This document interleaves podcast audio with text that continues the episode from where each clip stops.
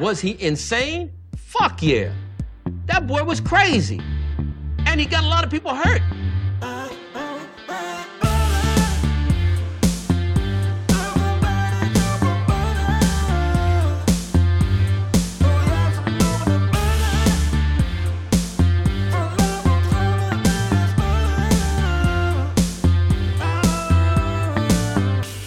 He doesn't like butter. I fucking love butter.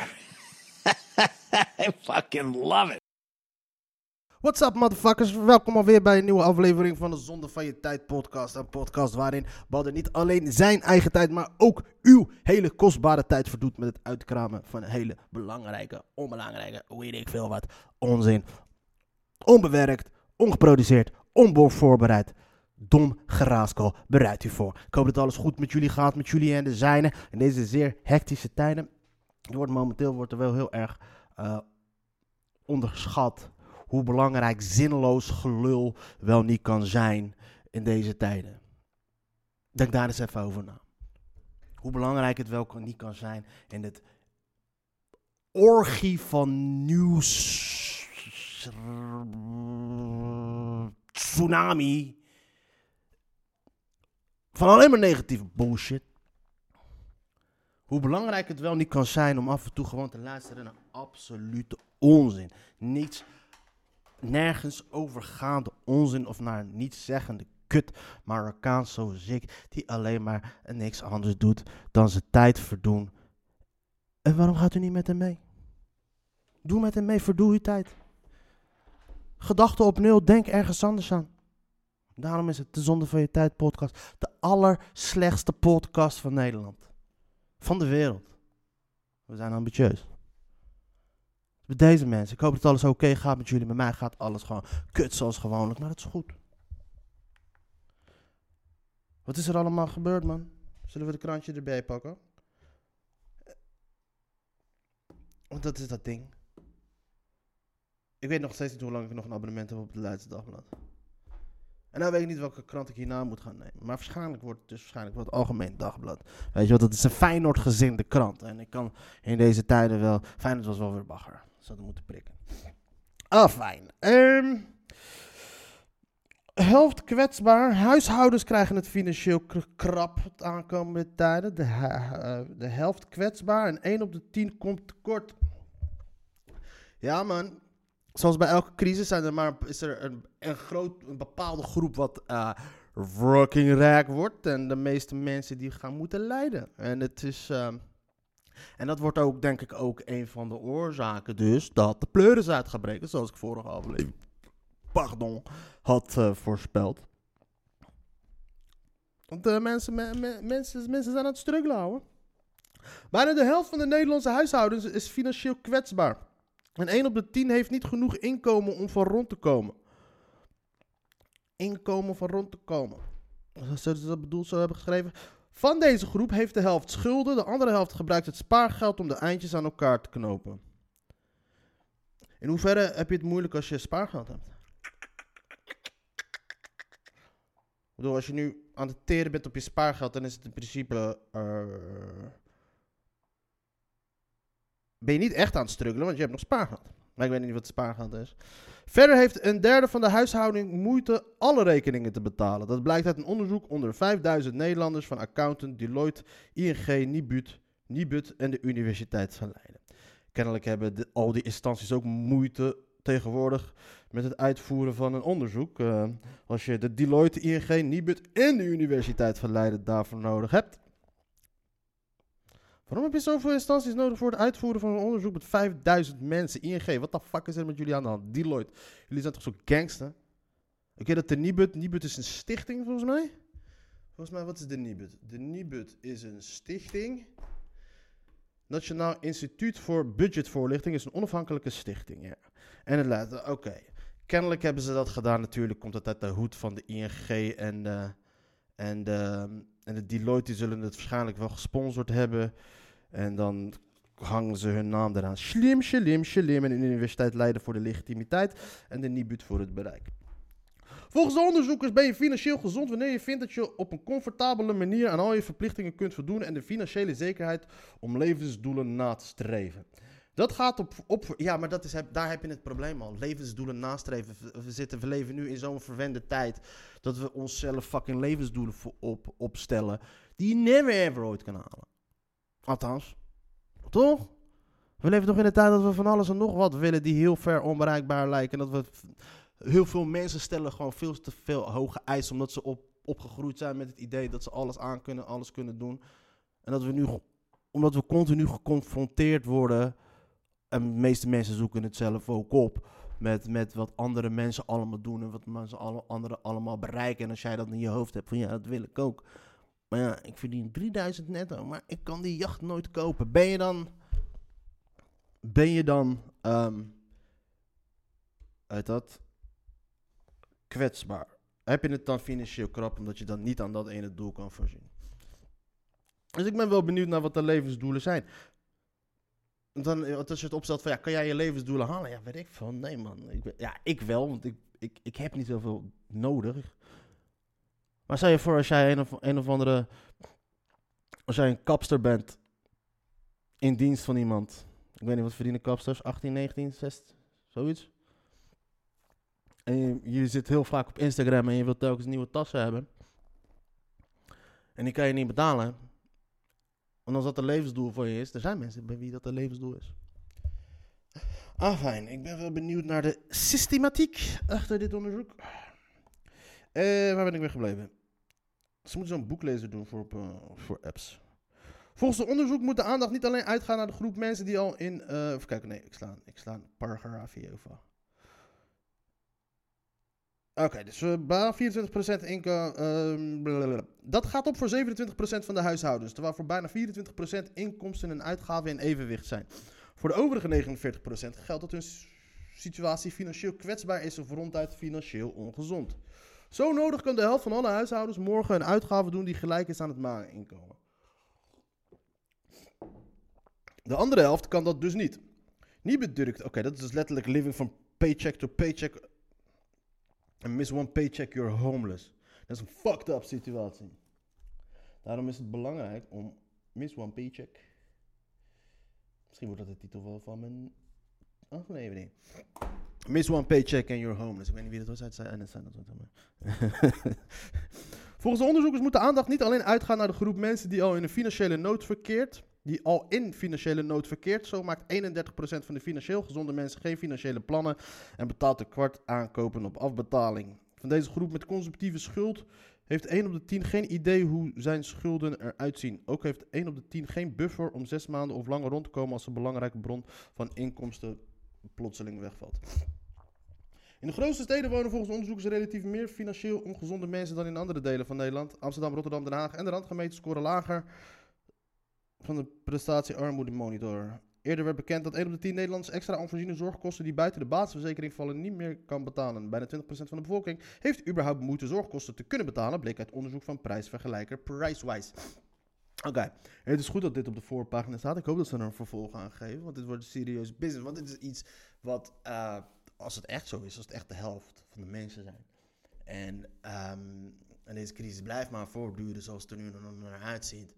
Dit is ook een van. Dit kan ook een factor zijn waardoor mensen gaan beginnen rellen. Tel erbij eens op dat die motherfucking huizen veel te duur worden. Mensen kunnen geen huis meer vinden. Tel dat allemaal op. En dan hoor je aan de andere kant de arbeidsmarkt steeds overheet. Omdat er te veel, veel meer vacatures zijn dan mensen. Ja, kennelijk betalen ze dus niet goed genoeg. Dus dat betekent volgens mij kan je dat gewoon niks anders stellen. Dat de mensen die het geld maken gewoon echt fucking veel geld maken en het- nu kunnen veroorloven om mensen zo min mogelijk te betalen. En dan kom je nu echt in een fucking visueuze circle die je niet wil hebben. Of althans, of juist weer niet. Of ze kunnen mensen, ja, maar het zijn altijd de, de, de, banen aan de onderklas, de onbetaalde, de, de, de, de, de ongeschoolde banen die, waar, de, waar mensen voor in aankomen. En die kun je gewoon uitpluizen, voor, die kun je gewoon uitpersen zolang je wilt. En zolang die vakbondsaantallen ook gewoon aan het dalen zijn, want dat is ook een dingetje natuurlijk tegenwoordig. Vragen te over rond de om- Omicron variant. Ja, dat is ook een woord die we even goed uit ons hoofd moeten gaan leren, mensen. De Omicron variant. Kennelijk is die dus. ehm, er zijn nog veel vragen over de Omicron variant van het coronavirus. Oh joh, de. Kom eens even. Open deur intrappen met het begin van je zin.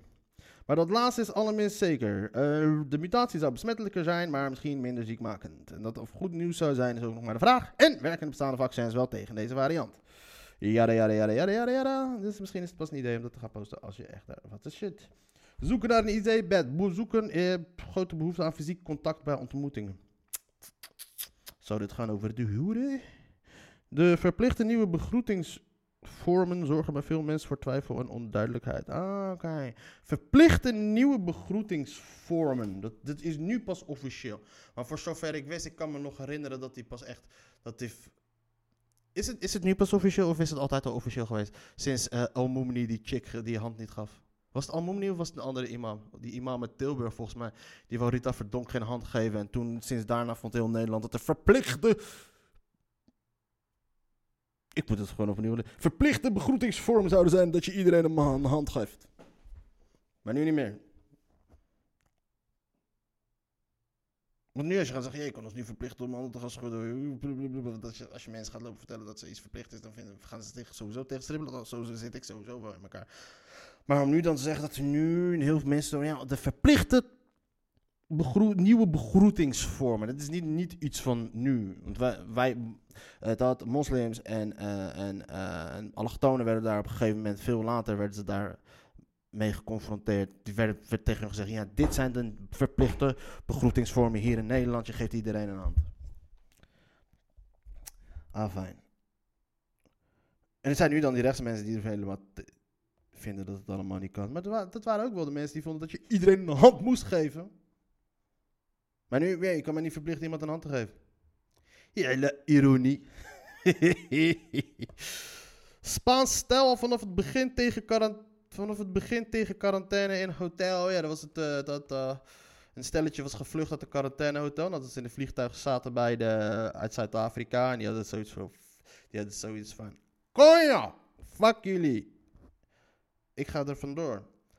Het Spaanse stel dat de vliegtuig werd gehaald omdat de vrouw na een vlucht vanuit Zuid-Afrika positief was getest, heeft zich vanaf het begin af aan al tegen de quara- quarantaine verzet. Dat zei de burgemeester Marianne Schuurmans van de gemeente Haarlemmermeer maandag voorgaande aan het Veiligheidsberaad. Ik weet niet in hoeverre dat nieuws is, wanneer ze wel of niet. Oh, oh wacht, vond het... Oké. Kennelijk als ze dus eh, vlucht uit het quarantainehotel, dan lijkt het mij vrij logisch dat ze daar altijd al tegen was. Het is niet dat ze in dat hotel dacht en dacht, weet je wat, fuck it. Of ja, althans, nee, weet, misschien, het zou best wel kunnen. Ik zou, oké, weet je wat, we gaan in quarantaine, we gaan het hotel kijken. Dan zit je op een gegeven moment in de, Ibis op Schiphol. Dan denk je, fuck it, ik ben er nu pas tegen. Zou kunnen. Volgens haar kwamen de man en vrouw gelijk al in opstand, maar onze regels gelden. Zij gaven aan dat zij zich daarbij niet wilden neerleggen. Wij hebben ze verzocht dat toch alsjeblieft wel te doen. Wel is niet is wel is niet. Ze gaan dat echt helemaal beschrijven in dit artikel.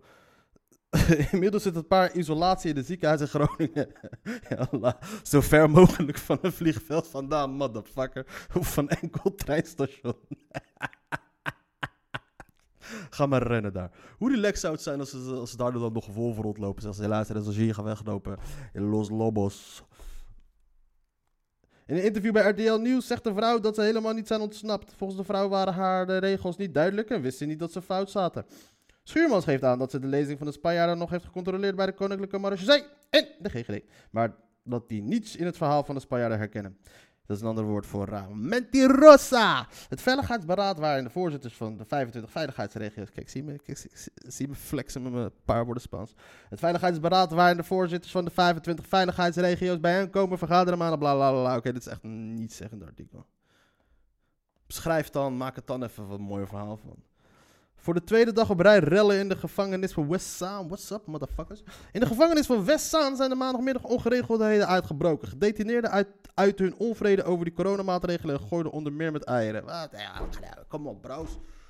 Doe dat even beter. Matrassen in de fik steken, deuren barricaderen, eh cipiers ontvoeren, dat soort shit. Dat is rellen. Eieren gooien is geen rellen. Dat is gewoon een foodfight van haha, van een paar... Dat doe je uit verveling. Dat bevestigt de dienst, dienst justitië... Ik krijg geen uh, herseninfarct meer. Het zeg maar... Just, dienst justitiële inrichting. Het is fucked up. Justitie. Na berichtgeving door NH Nieuws. Toen de gevangenismedewerkers ingrepen, raakte een van hun licht gewond en aan, aan, licht gewond aan een hand. Is dat het? Al dus het dik. Luister maar, kom op. Als jullie echt willen gaan rennen, neem even een voorbeeld aan die motherfuckers in Zuid-Amerika. Of in Peru. Of dat in Zuid-Amerika. Of Peru. Dat is maar zelf. Maar kom op. Neem even die aan voorbeeld aan de gevangenis in Zuid-Amerika. Als daar wordt gereld, dan wordt daar gereld. Oh, wacht, er is iemand wel gesneuveld. Lees even snel. Een van de andere medewerkers sneuvelde de, de bril. Oké, jammer. Vier gedetineerden zijn voor hun rol bij de ongeregeldheden in isolatie geplaatst. Van vier andere gedetineerden wordt de mogelijke betrokkenheid onderzocht. Al dus de DJI-woordvoerder. De gedetineerden mogen vanwege de coronamaatregelen niet van hun afdeling. Oh, oké. Dus, dus jij mag iets niet... ze- je zou zeggen dat ze wel bekend zijn met het concept. Van dat je... eh, dat je, dat je niet mag begeven buiten een bepaalde perimeter. De gedetineerden mogen wel uh, daarbij beperkt. Ze konden bijvoorbeeld niet sporten, al dus de woordvoerder. Nou, ga je toch lekker eh, hip-hop nummers schrijven, of niet? Ga je toch lekker opdrukken in de cel? Rapnummers schrijven? Bezinnen over die zonde misschien? Convert to Islam.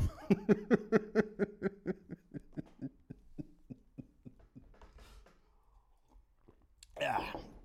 Bankieren met 100 miljoen euro crimineel geld. Beverwijker gearresteerd door de FIOD. Dikke SO naar deze motherfucker. In Spanje. Ik ben ondertussen even aan het opschrijven waar ik het over heb gehad. Dan kan ik straks even in die kleine titeltjes schrijven van... Ja, Badder heeft het hierover gehad, Badder heeft het hierover gehad, Badder heeft het hierover gehad. Om te doen alsof... Oké, Badder heeft het over interessante onderwerpen gehad. En dan gaat het uiteindelijk helemaal nergens over. Maar dit vind ik wel interessant. Bankieren met 100 miljoen euro crimineel geld. Een 34-jarige Beverwijk, oké, die is vroeg bij zijn moeder, is door Field aangehouden op verdenking van ondergronds bankieren. Oké, ik durf te wedden dat dit, dit is of een Nederlander of een Surinamer. En dan bedoel ik dat een Hindoestaanse Surinamer. Eh, soms eh, crimineel geld. Hij verrichtte transacties van in totaal ruim 100 miljoen euro. Soms sluisde hij enkele miljoenen per dag van A naar B. Oké, van A naar B. Zijn dat zijn medeverdachten of is dat gewoon een spreekwoordelijke A naar B? De bond werd 15 november gearresteerd, maar dat werd pas maandagmiddag door de Field bekendgemaakt. Het lijkt erop dat hij in Nederland een coördinerende rol in een crimineel netwerk had. Al dus de fiscale opsporingdienst. Zijn woning werd onder doorzocht. Evenals twee bedrijfspanden in Beverwijk, een loods in Assen-Delft. Oké, Assen-Delft en een winkel in Amsterdam. Assen-Delft, daar komt nieuws vandaan. Niels heeft ook een loods in Assen-Delft. Niels ga ik zomaar even bellen. Er werd beslag gelegd op twee auto's, een woning, sieraden. En ja, en hij heeft auto's in zijn loods. Sieraden ruim 50.000 euro. Ik weet niet of hij 50.000 euro heeft. in contanten en administratie. Hij wordt onder meer verdacht van het aanbieden van betalingsdiensten zonder vergunningen. En witwassen 6 maart 2019. Er werden honderden illegale transacties verricht, al dus de Field. De Beverwijk stuurde geldcouriers aan die bedragen ophaalden en wegbrachten. Al gebruikte hij cryptovaluta. De bedragen gingen rond. De man is eerder onderzocht onder meer de witwassen als verdachte naar voren. Oké. Rode gloed boven de stoet. De graafschapfans nemen met fakkels afscheid van hun Simon Kistemaker. Oké, ze schrijven het eraan op. Oké. Eh, de start van de tipcampagne 23 naar eh, het initiatief van Peter R. waardoor de gouden tip voor de dat is Tanja Groen. Ja, ik hoop dat haar nog vindt. Eh, IJs levenslang opdrachten, opdrachtgever, moord op twee criminelen. Eh, het Openbaar Ministerie heeft maandag in hoger beroep opnieuw een levenslange celstraf geëist tegen Omar L. Het OM ziet L als opdrachtgever van de liquidaties in 2015 van de criminelen Ineas Lomp in Krommenie en Shahid Jaglaf in Kerkdriel. Er is maar één straf die in aanmerking komt en dat is levenslang, zei aanklager in hoger beroep. Een straf van 30 jaar doet onvoldoende. Hij heeft andere jongens die minder slim zijn dan hij zover gekregen dat ze moorden voor hem wilden plegen. Zonder hem zouden ze waarschijnlijk niet deze moorden hebben gepleegd. Hij heeft anderen het vuile werk laten opknappen. Het gemak waarmee hij telkens anderen op pad stuurt is verbijsterend. Levenslang is de enige passende straf voor iemand die verantwoordelijk is voor twee doden en drie bijna doden. Lomp27 werd in november 2015 doodgeschoten op weg naar Sofia. Oh ja, deze gozer, die, ineens Lomp, die was geschoten dus op uh, Hij is, eh, hij is dus vermoord door die ene gozer die onthoofd werd en zijn hoofd voor de shisha lounge in Velus werd gelegd. Wat heet hij ook weer? Ehm, bam bum, bum, bum, Ik weet niet meer hoe die heet. André Vandaan, conciërge op moordschool in Online Detective. Oké. André van Duin, Gijs Scholten van Aschat, Kees Huls, Jan Kooijman, Jules Crozet en René Zoutendijk werken mee aan een online detective waarmee waarmee, waarin het publiek voor jury kan spelen. Winterse, midden. Oké, dat is waarschijnlijk zo'n Cluedo, maar dan online. Oh, nou, dat hebben ze weer goed ontdekt hoor. Dat hebben ze weer goed over nagedacht daar in Hilversum. Wat origineel. Gedode Maduro als oud vuil in een mooie Nel gedumpt. Een levensloos lichaam van 115 kilo vanuit een bootje in het water kieperen. Het kostte twee Haarlemmers maart vorig jaar in het holst van de nacht heel wat moeite om de doodgeschoten Gregory Lindomar Maduro in het water aan de mooie Nel te dumpen. Waar ligt de fucking mooie Nel? Mooie Nel. Ik heb er nooit van gehoord ook. Is er een bandje? Mooie. Een hele mooie Nel.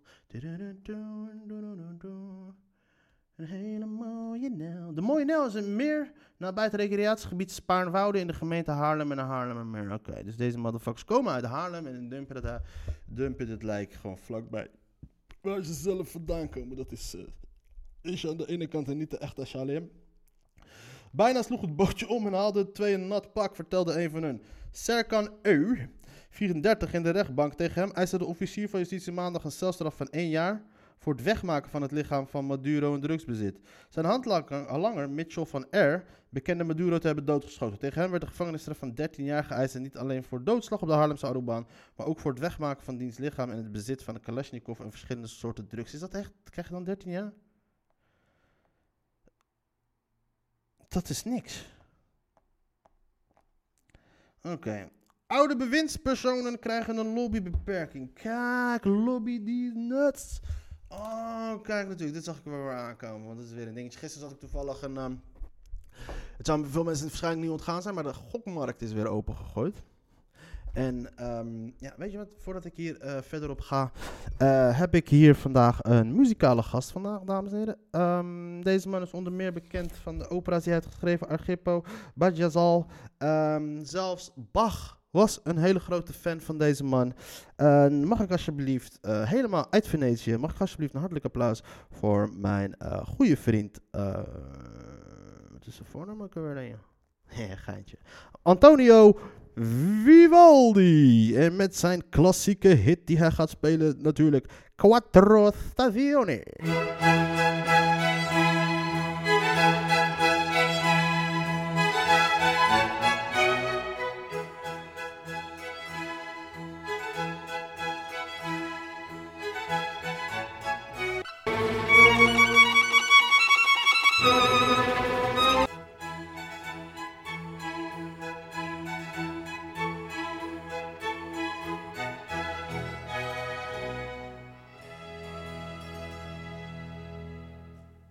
Yes, dames en heren, dit was hem dan Antonio Vivaldi. Dikke shout-out naar deze motherfucker. Waar kunnen we je zien de komende tijd? Nergens. En niet alleen vanwege de lockdown. Ja, ik wil je graag bedanken dat je hier was, dames en heren. Antonio Vivaldi. Dan gaan we weer even verder waar we gebleven waren. Jongens, dat is, deze, dat is de lijp van de Zonde van Tijd Show podcast. Ik kom met echte legends als muzikale gasten. Man, ik zeg laatst dat ik zie... Ik heb nog wel gewoon muzikale gasten in de studio. En het zijn nog legends ook. Ehm, waar was ik gebleven? Ja, ik, wat jullie, veel van jullie mensen zou het waarschijnlijk niet ontgaan zijn. Maar het is dus dat er tijdens de ehm, ehm, afgelopen paar weken... dat je op een gegeven moment veel meer reclame ziet opeens van... van, heet dat? eh gokwebsites. en het is dus dan... En op een gegeven moment zag ik dus, wie is de woordvoerder van de gokbranche tegenwoordig? Dat is een of andere bitch van de, van de VVD. Van, hoe de fuck, oké, hoe kan deze bitch komt nu opeens, je, gaat, je, gaat, je, je zit eerst in de kamer, 38 jaar lang, en dan zit je opeens later nu bij de, bij de gokbranche. Maar natuurlijk hadden we dat ook met die andere mi- minister, staatssecretaris of minister die in, de, in augustus weg is gegaan. Die daarna, die, ze, zat eh, in iets van de natuur, iets van de energie. En nu werkt ze voor de energiesector. En dat is best wel gestoord. Dat, en uiteraard allemaal VVD'ers, hoewel, niet vergeten, eh, onze vrienden van de PvdA kunnen er ook wel wat van. Maar laten we even kijken. Maar kennelijk komt er nu dus een, een, een, een, lobbyverbod. En deze shit is trouwens dieper dan ik dacht. Want ik wist bijvoorbeeld niet dat die lobby... Oud-Kamerleden, waarom die altijd dus eh, graag worden gescout als, eh, als lobbyist... Is niet alleen vanwege hun contacten, maar ook vanwege... Het blijkt dus dat als jij ooit een pas hebt gekregen dat je in de Kamer hebt gezeten... dan mag je die pas dus voor altijd blijven gebruiken. Dat is toch crazy? Nieuwe regels na overstap kabinetsleden naar Belangenclub. Oud-ministers en staatssecretarissen moeten in de toekomst tot twee jaar na hun vertrek toestemming vragen voor ze een nieuw baantje mogen aannemen. Bovendien mogen ze in die periode niet werken voor het ministerie waar ze bewindspersoon waren of lobbyen op dossiers waarover ze beslissen. Is dat het? Minister Kasia Ollongren heeft de nieuwe lobbyregels voor oud-bewindspersonen bekendgemaakt. Dus het was nog makkelijker dan dit. Die komen er na waarschuwing van de Europese corruptiewaakhond Greco over een gebrek aan regels voor vertrekkende ministers en staatssecretarissen. Afgelopen zomer ontstond er ophef nadat staatssecretaris Tientje van Veldhoven en minister Cora van Nieuwenhuizen Infrastructuur en Waterstaat het kabinet, het kabinet verlieten, waarbij laatstgenoemde rechtstreeks naar de energielobby overstapte. De meest in het oog springende maatregel is een afkoelperiode van twee jaar na vertrek. Daarin moet de vertrekkende minister of staatssecretaris verplicht een advies vragen voor een nieuwe baan of een functie. Een nog in te vullen onafhankelijke commissie bepaalt dan of de oud-bewindspersoon wel of niet op die plek aan de slag mag. Twee jaar maar. Daarnaast verbreedde Ollongren het lobbyverbod. Nu mogen vertrokken ministers en staatssecretarissen ook voor een periode van twee jaar alleen niet bij hun eigen oude ministerie lobbyen. Maar dat wordt nu verbreed naar alle beleidsterreinen waar diegene zich in zijn tijd als bewindspersoon mee heeft bemoeid. Ook als die onder andere ministeries vallen. Ollongren benadrukte bij beide ingrepen nadrukkelijk dat het niet om een beroepsverbod gaat. Je kan gewoon een andere functie aanvaarden, maar je laat het wel even toetsen door een onafhankelijke commissie, zegt de minister. Die benadrukt dat die commissie ook een nee kan zeggen. Oh joh, maar wie zit er in de fucking commissie? Zeker ook hun oude collega's. In het geval van afkoelperiode is er wel een gevoeligheid op het gebied van contra- contractsvrijheid van oud-bewindspersonen. Er is dan ook een wetswijziging voor nodig. Pas daarna gaat die afkoelperiode gelden. Dat geldt ook voor het draaideurverbod dat Ollongren als derde maatregel wil invoeren. Oud-bewindspersonen mogen twee jaar lang geen klussen doen voor of in dienst komen van hun oude ministerie. De vraag is of die regels nog gaan gelden voor de huidige ministersploeg, die afhankelijk van het formatieverloop bijna klaar lijkt te zijn. Realistisch genoeg moet je ervan uitgaan dat de wetswijzigingen onder het volgende kabinet pas door het parlement zullen worden behandeld, beaamt Ollongren. De verbreding van het lobbyverbod gaat wel per direct in. De nieuwe lobbyregels hadden de nodige voeten in de aarde. Het onderwerp met, moest meerdere keren in de ministerraad worden besproken. Tuurlijk. En in Den Haag was er grote vrees voor een wel heel stevige lobby-ingreep. Ja, tuurlijk. Op basis van adviezen die voorlagen, stelden ingewijden de oud-bewindspersonen zo alleen nog met maar burgemeester konden worden. Ja. Anderen wezen erop dat er voor oud-ministers zo bijna niks anders op zat dan wachtgeld pakken. Kijk ze de maatschappij gijzelen. Volgens Olle- Ollongren ligt er nu een gebalanceerde maatregelen pakken. Helemaal niet. Dat is, het is denk ik streng, maar ook rechtvaardig. Ja, fuck you. Je wilt graag dat mensen toetreden tot het kabinet en dat gewezen ministers en staatssecretarissen daarna hun loopbaan kunnen vervolgen. Ik ben overtuigd dat er voor bewindslieden nog voldoende opties zijn. Ja, whatever. Dat het nu pas wordt ingevoerd. Dat zegt al genoeg over hoe lang bullshit dat bezig is hier in Nederland. Neparts werkte in tal van ziekenhuizen. Oslem U met haar advocaat Rutger van Veen in de rechtbank. Oslem U, Oslem U ziet er wel leuk uit. Ik zie, en ik ga alleen maar uit van de tekening. Oslem U. Oslem. Wie is deze Oslem? Wie is deze Oslem U? Arts, ik ga er gaan googlen.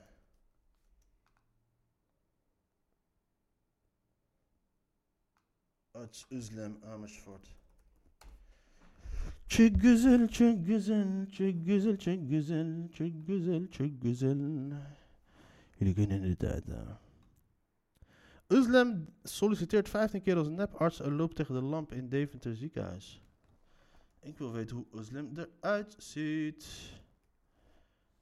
Özlem Una? Heet ze Özlem Una?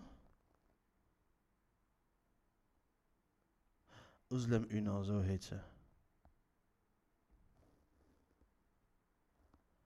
Özlem Una. Una, nou is Una best wel een eh, veel voorkomende naam. Ah ja.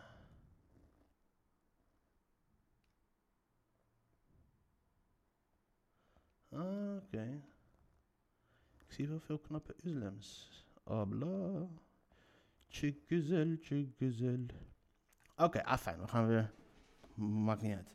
Anderhalf jaar celstraf geëist tegen vrouw die zich nu doodschaamt. Als kind wilde ze arts worden. Mensen helpen, dat was haar droom. En ja, ook haar ouders trots maken. Maar de 33-jarige Uslem U moest de studie medicijnen staken toen ze werd getroffen door huidkanker. Dat weer, weerhield haar er jarenlang niet van om zich voor te doen als arts.